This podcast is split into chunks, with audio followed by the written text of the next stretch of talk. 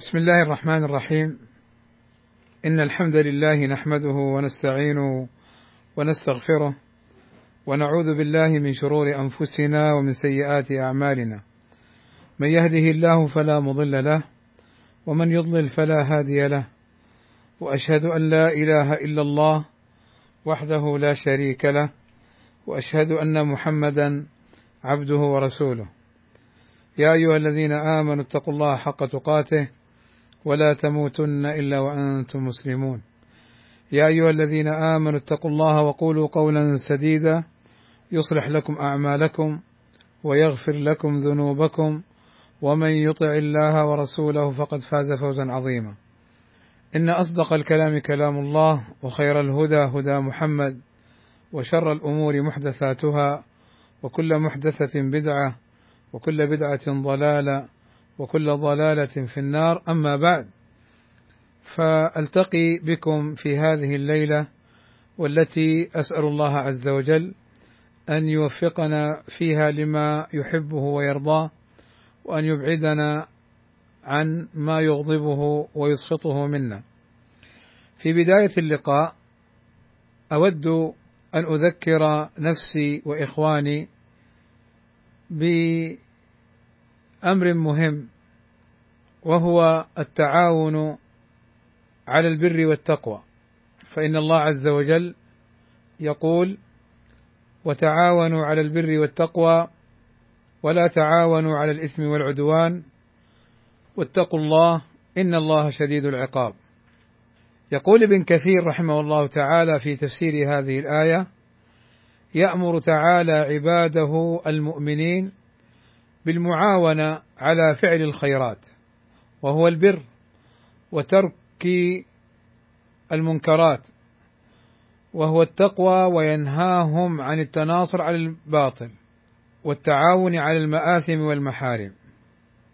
انتهى. فالله عز وجل في هذه الآية يأمر عباده المؤمنين بالتعاون على البر والتقوى وينهاهم عن التعاون على الإثم والعدوان. يقول السعدي رحمه الله تعالى أيضا أي ليعن بعضكم بعضا على البر. قال وهو أي البر اسم جامع لكل ما يحبه الله ويرضاه من الأعمال الظاهرة والباطنة من حقوق الله وحقوق الآدميين.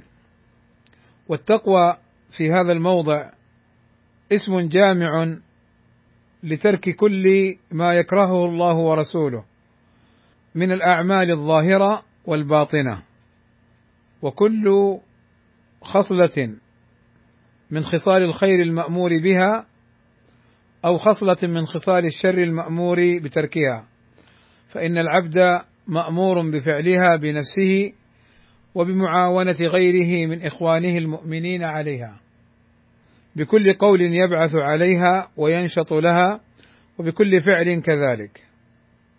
قال وبكل فعل كذلك. ثم قال وقوله ولا تعاونوا على الإثم والعدوان أي هو التجرؤ على المعاصي التي يأثم صاحبها ويحرج والعدوان هو التعدي على الخلق في دمائهم وأموالهم وأعراضهم. فكل معصية وظلم يجب على العبد كف نفسه عنه ثم إعانة غيره على تركه. وقوله واتقوا الله إن الله شديد العقاب أي على من عصاه وتجرأ على محارمه. فاحذروا المحارم لئلا يحل بكم عقابه العاجل والآجل. انتهى. ففي هذه الآية وفي تفسير أهل العلم لها بيان واضح على المقصود في التعاون على البر والتقوى وفي عدم التعاون على الإثم والعدوان. وهذا يذكرنا جميعا بهذين الأمرين وبهاتين الخصلتين التي جاء في الشرع الحث على فعل الأولى وعلى ترك الثانية. فالبر والتقوى نتعاون عليهما والإثم والعدوان لا نتعاون عليهما. وهذا أيضا يذكرنا بخطورة المسألة وخطورة الأمر من جهة التعاون على الإثم والعدوان. فإن بعض الناس نسأل الله السلامة والعافية يسعى ويحرص على حصول الإثم والعدوان وعلى إيذاء الناس في أموالهم وأعراضهم ودمائهم. فلا شك أن هؤلاء خالفوا هذه الآية. وفي المقابل وهذا أمر أيضا مهم قد يغفل عنه بعض الصالحين وهو التعاون على البر والتقوى.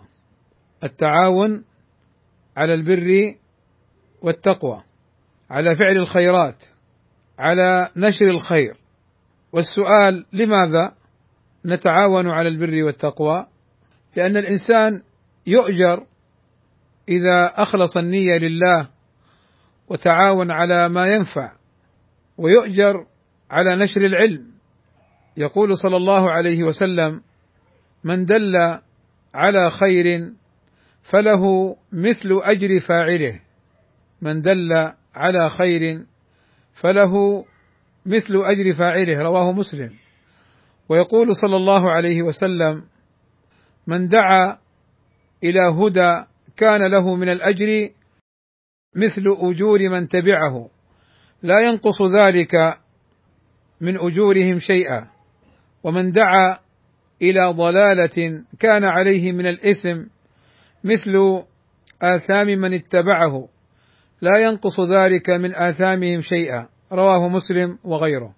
والدعاء إلى الهدى أي إلى السنة إلى العلم الشرعي إلى هدي النبي صلى الله عليه وسلم إلى ما أمر الله به. كما قال صلى الله عليه وسلم من سن في الإسلام سنة حسنة فله أجرها وأجر من عمل بها من بعده من غير أن ينقص من أجورهم شيء. فقوله من سن في الإسلام سنة حسنة أي أحيا سنة جهلها الناس وعلم سنة خفيت على الناس. ولذلك جاء في الحديث عن النبي صلى الله عليه وسلم أنه قال إن هذا الخير خزائن ولتلك الخزائن مفاتيح. فطوبى لعبد جعله الله عز وجل مفتاحا للخير مغلاقا للشر. وويل لعبد جعله الله مفتاحا للشر مغلاقا للخير. رواه ابن ماجه وغيره وحسنه الألباني رحمه الله تعالى. والواحد منا إذا عمل الخير إنما يريد بذلك وجه الله. لا يريد بذلك دنيا ولا منصب حتى يؤجر ويعمل الخير مع كل أحد. حتى من إخلاصه قد يعمل الخير مع من قد يؤذيه أو يتعدى عليه فهو يعمل الخير لله عز وجل لا لرضا فلان أو لمصلحة ولا لغضب فلان أو لمضرة آخر. ولذلك كما قال الله عز وجل ولا يأتل أولو الفضل منكم والسعة أن يؤتوا أولي القربى والمساكين والمهاجرين في سبيل الله وليعفوا وليصفحوا. ألا تحبون أن يغفر الله لكم؟ والله غفور رحيم. فأبو بكر رضي الله عنه كان قد أنفق على بعض قراباته ثم لما حصل له شيء من الضرر منهم أمسك عن هذا الخير. فأنزل الله عز وجل هذه الآية فقال أبو بكر رضي الله عنه بلى بلى نحب وبكى رضي الله عنه. فالإنسان يعمل الخير لله عز وجل ولذلك يقول الله عز وجل في الآية الأخرى إنما نطعمكم لوجه الله لا نريد منكم جزاء ولا شكورا. أنا نخاف من ربنا يوما عبوسا قمطريرا. الآية. وهذا يقودنا إلى التنبيه إلى ما قد يحدث من بعض الناس خطأ أنه يترك فعل الخير والمداومة عليه لأجل فلان أو فلان أو لأي أمر عارض لا لأمر يعني كما يقال هو معذور فيه. إنما السبب أنه يترك فعل الخير إما أنه يظن أن فلان لا يعينه أو يظن أن فلانا يؤذيه أو نحو ذلك. فلا يا عبد الله أنت تعمل لله وتطلب رضا الله عز وجل لا رضا الناس. وبالتالي إخواني وأخواتي هذه كلمة مختصرة مما أحببت أن أذكر بها نفسي اولا وأذكر بها إخواني بأن نتعاون على البر والتقوى من نشر العلم ونشر الخير وأن لا نقف لعارض دنيوي أو لإيذاء البعض أو نحو ذلك بل نستمر وهذا من علامات الإخلاص وأن العبد يعمل لله عز وجل لا لدنيا ولا لمصلحة. إخواني وأخواتي بارك الله فيكم. هناك بعض الأسئلة سأقف معها. إن شاء الله في هذه الليلة. وهناك أسئلة أخرى قد تؤجل إلى وقت لاحق بإذن الله تعالى. السؤال يقول أخي مريض وعنده علاج كيماوي يسبب له تورم على مستوى الرجلين والساقين ويضطر للبس جوارب طبية من الفجر بعد الوضوء إلى الليل. آه، يقول صعب لبسها ونزعها لكل وضوء. ويسأل كيف يمسح عليها وهي مفتوحة من الأمام عند الأصابع. ولا يمكن إرجاعها إلى الخلف لغسل الرجلين لشدة ضيقها فماذا عليه فعله؟ أولا أسأل الله عز وجل أسأل الله الكريم رب العرش العظيم أن يشفيه وأن يلبسه لباس الصحة والعافية وأن يمن عليه بالشفاء. ثانيا يأتي بجورب أو شراب واسع فيلبسه بعد أن يتوضأ للفجر ثم يلبس يعني الجورب هذا الضيق المفتوح من جهة الأصابع يأتي بشراب أو جورب آخر واسع جدا يلبسه يلبسه ثم إذا توضأ لكل صلاة مسح عليه ثم إذا توضأ لكل صلاة يعني إن أحدث يمسح على الجورب الأعلى لأنه بلبسه بهذه الصورة بعد أن يلبسهما على طهارة يكون الحكم للأعلى لا للأسفل. طيب السؤال الثاني يقول أو تقول السائلة اشترى زوجي زبادي يعني الظاهر شيء معلب لبن أو نحو ذلك منتهى الصلاحية ولم نقرأ التاريخ قبل الاستهلاك يعني قبل استعماله. تقول أكلت منه وأطعمت أنا وزوجي وأمه فحدث لنا تسمم وبعد ذلك توفيت أم زوجي فاتهموني أنا وزوجي بقتلها. فما حكم الشرع في ذلك؟ اولا نحتاج إنه يكون سبب الوفاة طبيا هو التسمم. إذ قد يكون سبب الوفاة أمر آخر هذا اولا. آه ثانيا هذا الأمر يعني حصل بالخطأ غير المقصود لا لقتل ولا لغيره من الضرر. فما حصل من التسمم إن فعلا كانت أمه ماتت متسممة بهذا الطعام آه، ونسأل الله أن يرحمها وأن يغفر لها. يعني ليس الأمر معلق بكما بل معلق بصاحب السلعة التي باعها لأنه معلوم أنه لا يجوز أن يبيع السلعة حين انتهاء المدة. وهذه المسألة تحتاج إلى الرجوع إلى القضاء لينظر القاضي آه، في هذا إن ثبت أنها ماتت متسممة ينظر في القاضي في نسبة القتل وعلى من تكون أو نسبة التسبب في الوفاة وعلى من تكون من جهة البائع ونحو ذلك. أما اتهام الزوجة والزوج بأنهما يعني تسببا أو قتلا هذه الأم لا شك أن هذا قد يكون في لحظة غضب ولا ينبغي للمسلم أن يتهم آه، أخاه بمثل هذا الأمر. السؤال التالي هذا السؤال يعني يقول أريد طريقة ناجحة لدعوة أبنائي للذهاب إلى المسجد فهم تارة يصلون في المسجد وتارة في البيت بدعوى أن صلاة الجماعة غير واجبة. أما الجمعة فيصلونها دائما في المسجد. الطريقة الناجحة في هذا اولا آه، أن تربي أبنائك وبناتك على تقوى الله ومراقبة الله وأن الله عز وجل يرانا ويعلم بنا وأن الله أمرنا بالصلاة.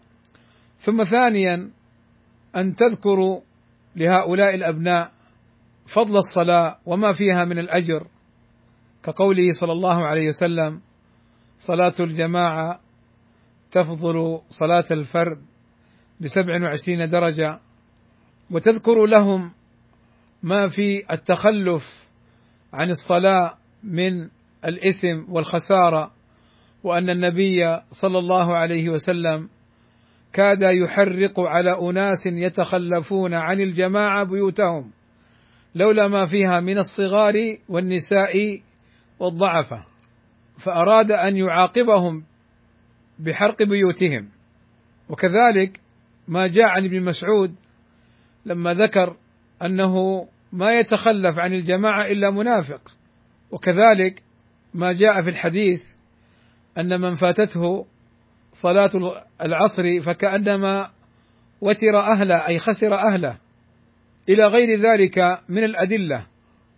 وكذلك مراعاة الإقبال والإدبار من الأبناء بحيث لما يكونون مقبلين يكون هناك نوع من الترغيب ونوع من يعني التلطف في الكلام.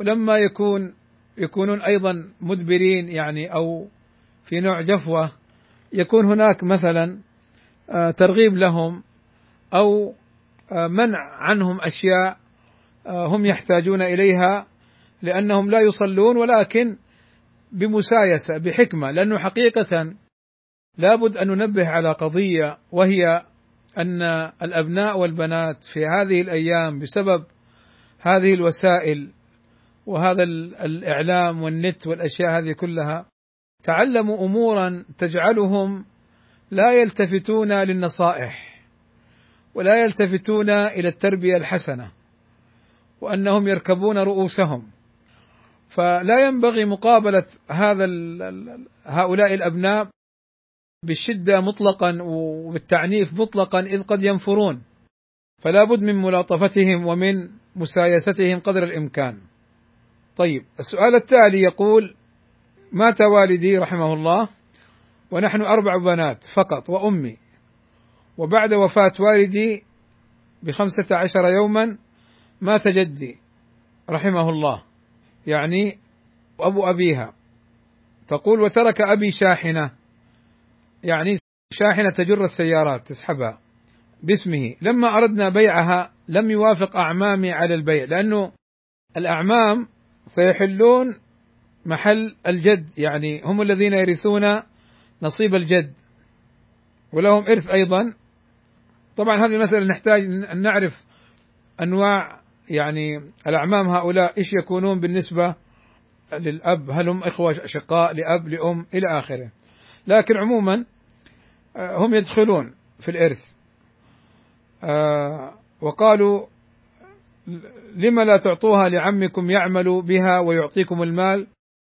تقول السائلة نحن ما عندنا منزل مستأجرين فقط فأردنا بيعها لنكمل بناء قطعة أرض لنا.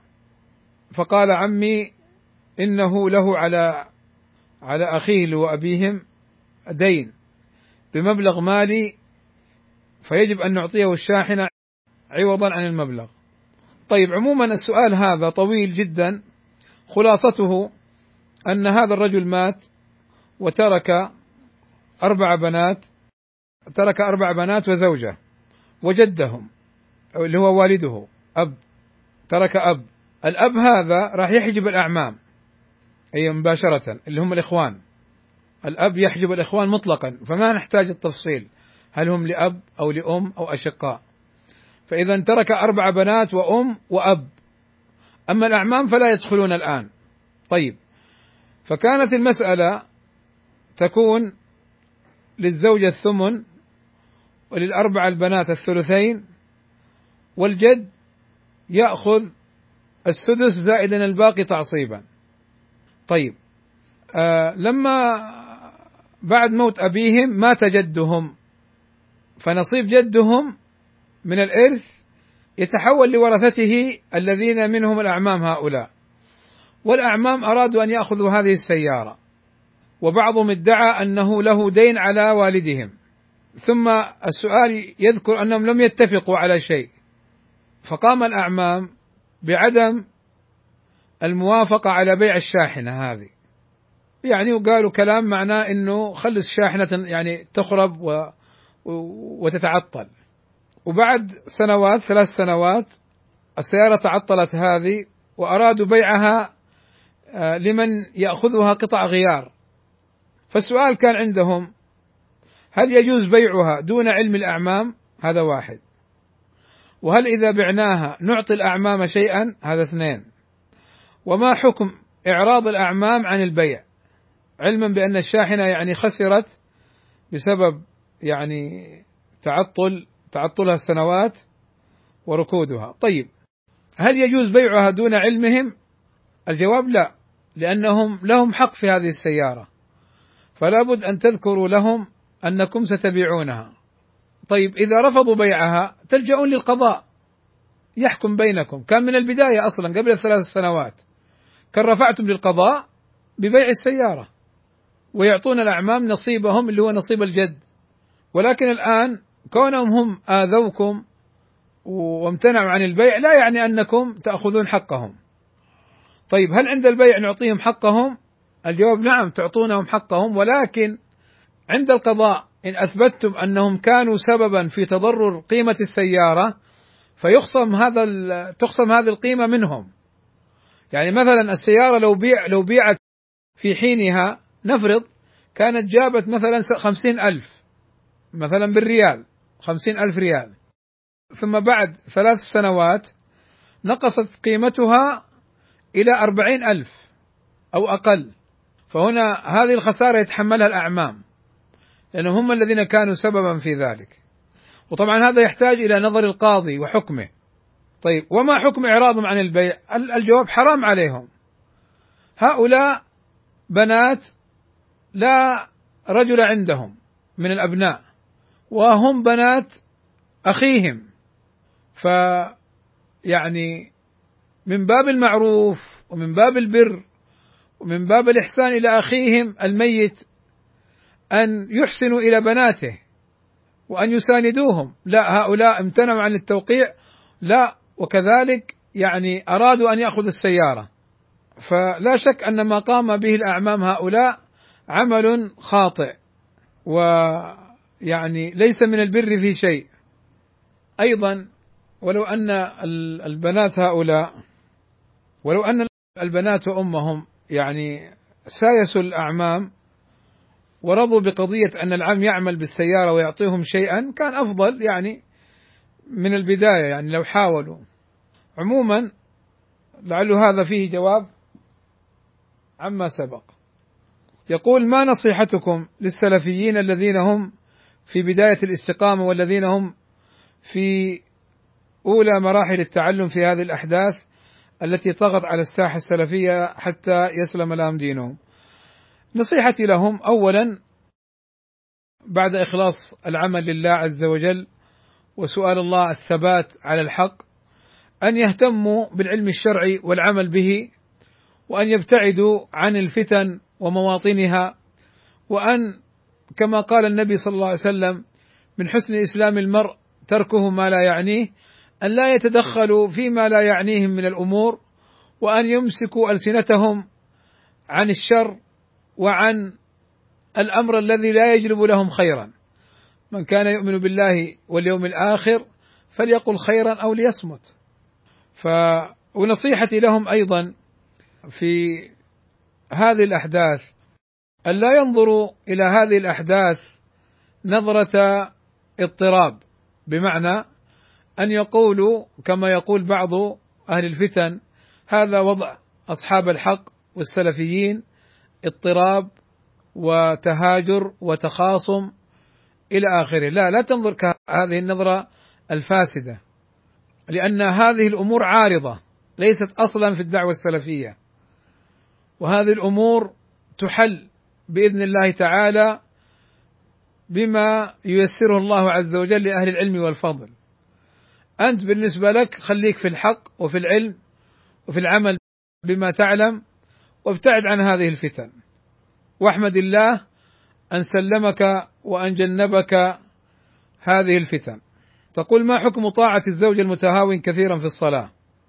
أقول طاعة الزوج واجبة وإن كان يعمل المعاصي إلا أن فعله للمعاصي لا يعني عدم طاعته أدي له الذي له عليك وسل الله الذي لك.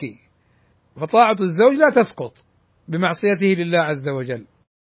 ولكن بما أنه يقصر في الصلاة كثيرا فنصيحتي أن أن تحرصي على نصيحته بالصلاة برفق.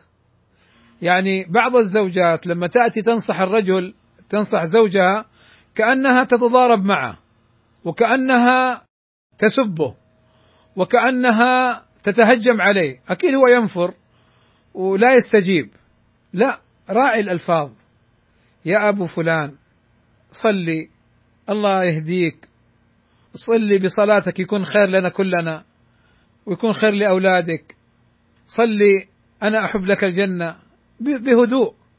مو يعني ليس أنه تأمره بالصلاة بسب وشتم وأنت أصلا واصلا واصلا واصلا.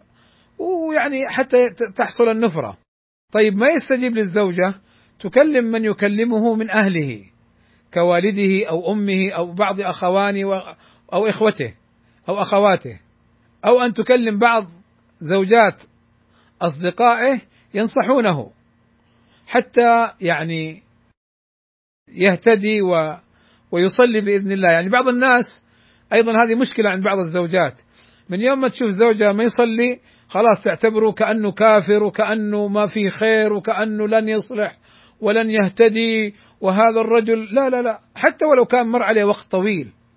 لا انصحيه واحرصي على هدايته وحببي له الخير وابذلي له كل ما تستطيعين له في هدايته.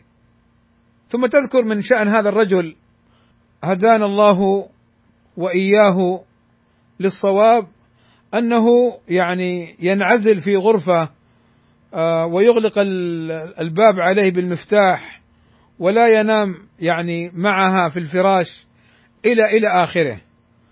الحقيقة أنه هنا أحتاج أني أتكلم آه، أحتاج أني أتكلم عن قضية. طبعا أنا أردت أن أن هذه المرأة تكلم زوجات آه، أصحابه. هذه الزوجة تكلم زوجها صديقتها تكلم زوجها آه، حتى زوجها يكلم هذا الذي لا يصلي. يعني معلش الأمور متداخلة فلكنها من جهة المعنى واضحة. طيب فأقول حقيقة هذه القضية خطيرة جدا وللأسف انتشرت يعني حتى بين بعض السلفيين أنهم يعني جفوه بينهم وبين زوجاتهم وخلو بوسائل التواصل يعني ما نريد أن أن نذكر أمورا سيئة ولكن يظهر أن هناك نوع من الأشياء المحرمة التي يعني يقعون فيها.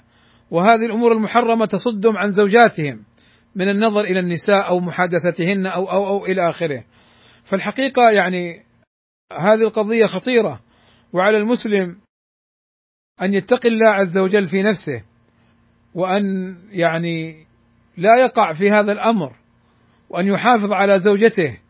وأهل بيته وأن يبتعد عن الأمور المحرمة وأن يعف زوجته. يعني الرجل لما يخلو ويفعل أمور محرمة لوحده ثم يهجر زوجته في الفراش ولا ولا يعطيها حقها قد يعرض زوجته للفتن. فلا شك أن هذا الأمر خطير جدا وسوء تصرف من هذا الزوج. وعليه أن يتقي الله عز وجل. هل ترضى أيها الرجل أن زوج ابنتك أو زوج أختك ينام في غرفة منفصلة ويجلس طول الليل في غرفة مقفلة الباب وينظر إلى النساء العاريات وينظر ويتواصل مع الأجنبيات ويهمل بنتك أو أختك؟ لا ترضى. فكيف ترضاها على زوجتك؟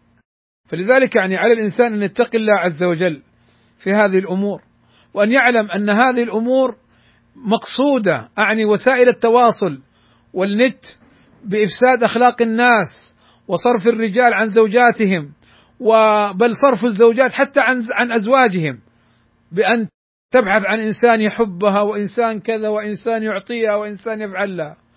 أنت السبب بإهمالك لها. أنت يجب أن تكون رجل البيت. لا أن تكون على الهامش أو أن تكون مسببا لهذه المشاكل. يا إخواني يا أخواتي والله المسألة عظيمة جدا وخطيرة جدا. الأعداء أعداء الدين يخططون ليلا ونهارا في كل ما من شأنه. صرف الأزواج عن زوجاتهم وصرف الزوجات عن أزواجهم. مو سحر ليس سحرا. ولكن بالفتن والشهوات وهذه الأبواب التي لا خير فيها تغضب الله عز وجل وتفسد المجتمع وتضعف الإسلام تضعف أهله وتضعف الإيمان. ما الذي تستفيده؟ الله أباح لك أربع. إن أردت طريقا فلك أن تتزوج الثانية والثالثة والرابعة. خيرا من وقوعك في المحرم. وإذا كنت متزوجا بامرأة فأدي لها حقها. والله أمرنا بالإمساك بالإحسان والمعاشرة بالمعروف وأن الزوجه لها مثل الذي عليها بالمعروف ولهن مثل الذي عليهن بالمعروف. في آيات كثيرة أنت هذه المرأة أخذتها بموثق من الله عز وجل. الله الذي أباح لك أن تتجرد لك وأن تكون لك وأن تستمتع بها وتستمتع بك بكلمة من الله عز وجل. فلا تتخذ آيات الله لهوا وعبثا. يعني فعلا هناك يعني أسئلة ليست بالقليلة ليست بالقليلة وشكاوي ليست بالقليلة من الزوجات بسبب يعني هذا الباب والجهل فيه والتقصير فيه. ثم يأتيك من يأتيك يقول لك يا أخي أنا صار تمسكي بالعبادات يعني آه، ضعيف جدا وأشعر بقسوة في قلبي من شو روح شوف روح انظر أنت ماذا تطالع ماذا تفعل. انظر ماذا يغويك مع من تتواصل وتتكلم وتتحادث بالمحادثات المرئية أو تتابع وسائل الإعلام الساقطة التي تنشر ما حرم الله عز وجل من صور النساء العاريات الفاتنات وتلهث وراء شهواتك. دنيا زائلة.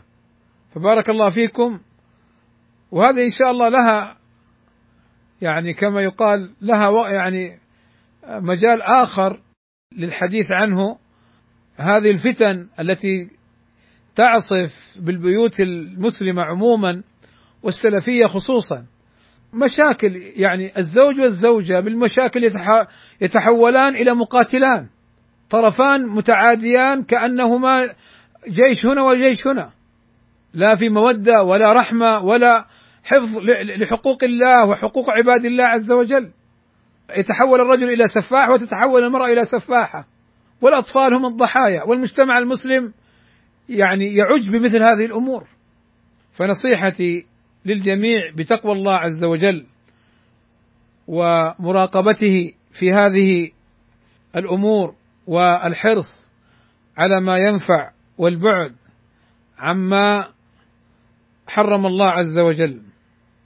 والمصيبة يعني كما يقال أن يعني بعض الأزواج يعلم حاجة زوجته وضعفها وقلة حيلتها وأنها ما لها بعد الله عز وجل إلا بيت زوجها.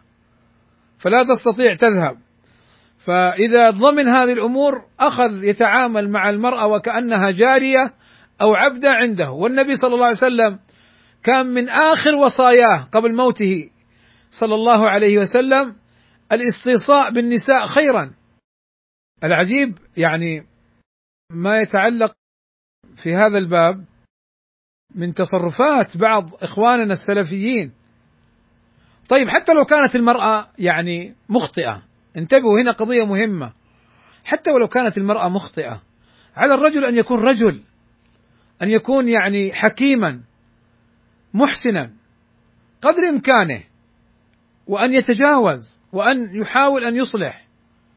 ثم إن كانت المسألة يعني كما يقال بلغت ما بلغت من يعني عدم التوافق والمودة وكذا وكذا وما في مجال للإصلاح امساك بمعروف أو تسريح بإحسان. طيب إخواني وأخواتي بارك الله فيكم. لعلي أكتفي بهذا القدر. يكون إن شاء الله هناك لقاء آخر نحدده فيما يأتي إن شاء الله بموعد نحدده لتكملة بعض الأسئلة لأني حقيقة متعب فأعتذر عن المواصلة الآن. صلى الله وسلم على نبينا محمد وعلى آله وصحبه أجمعين والحمد لله رب العالمين.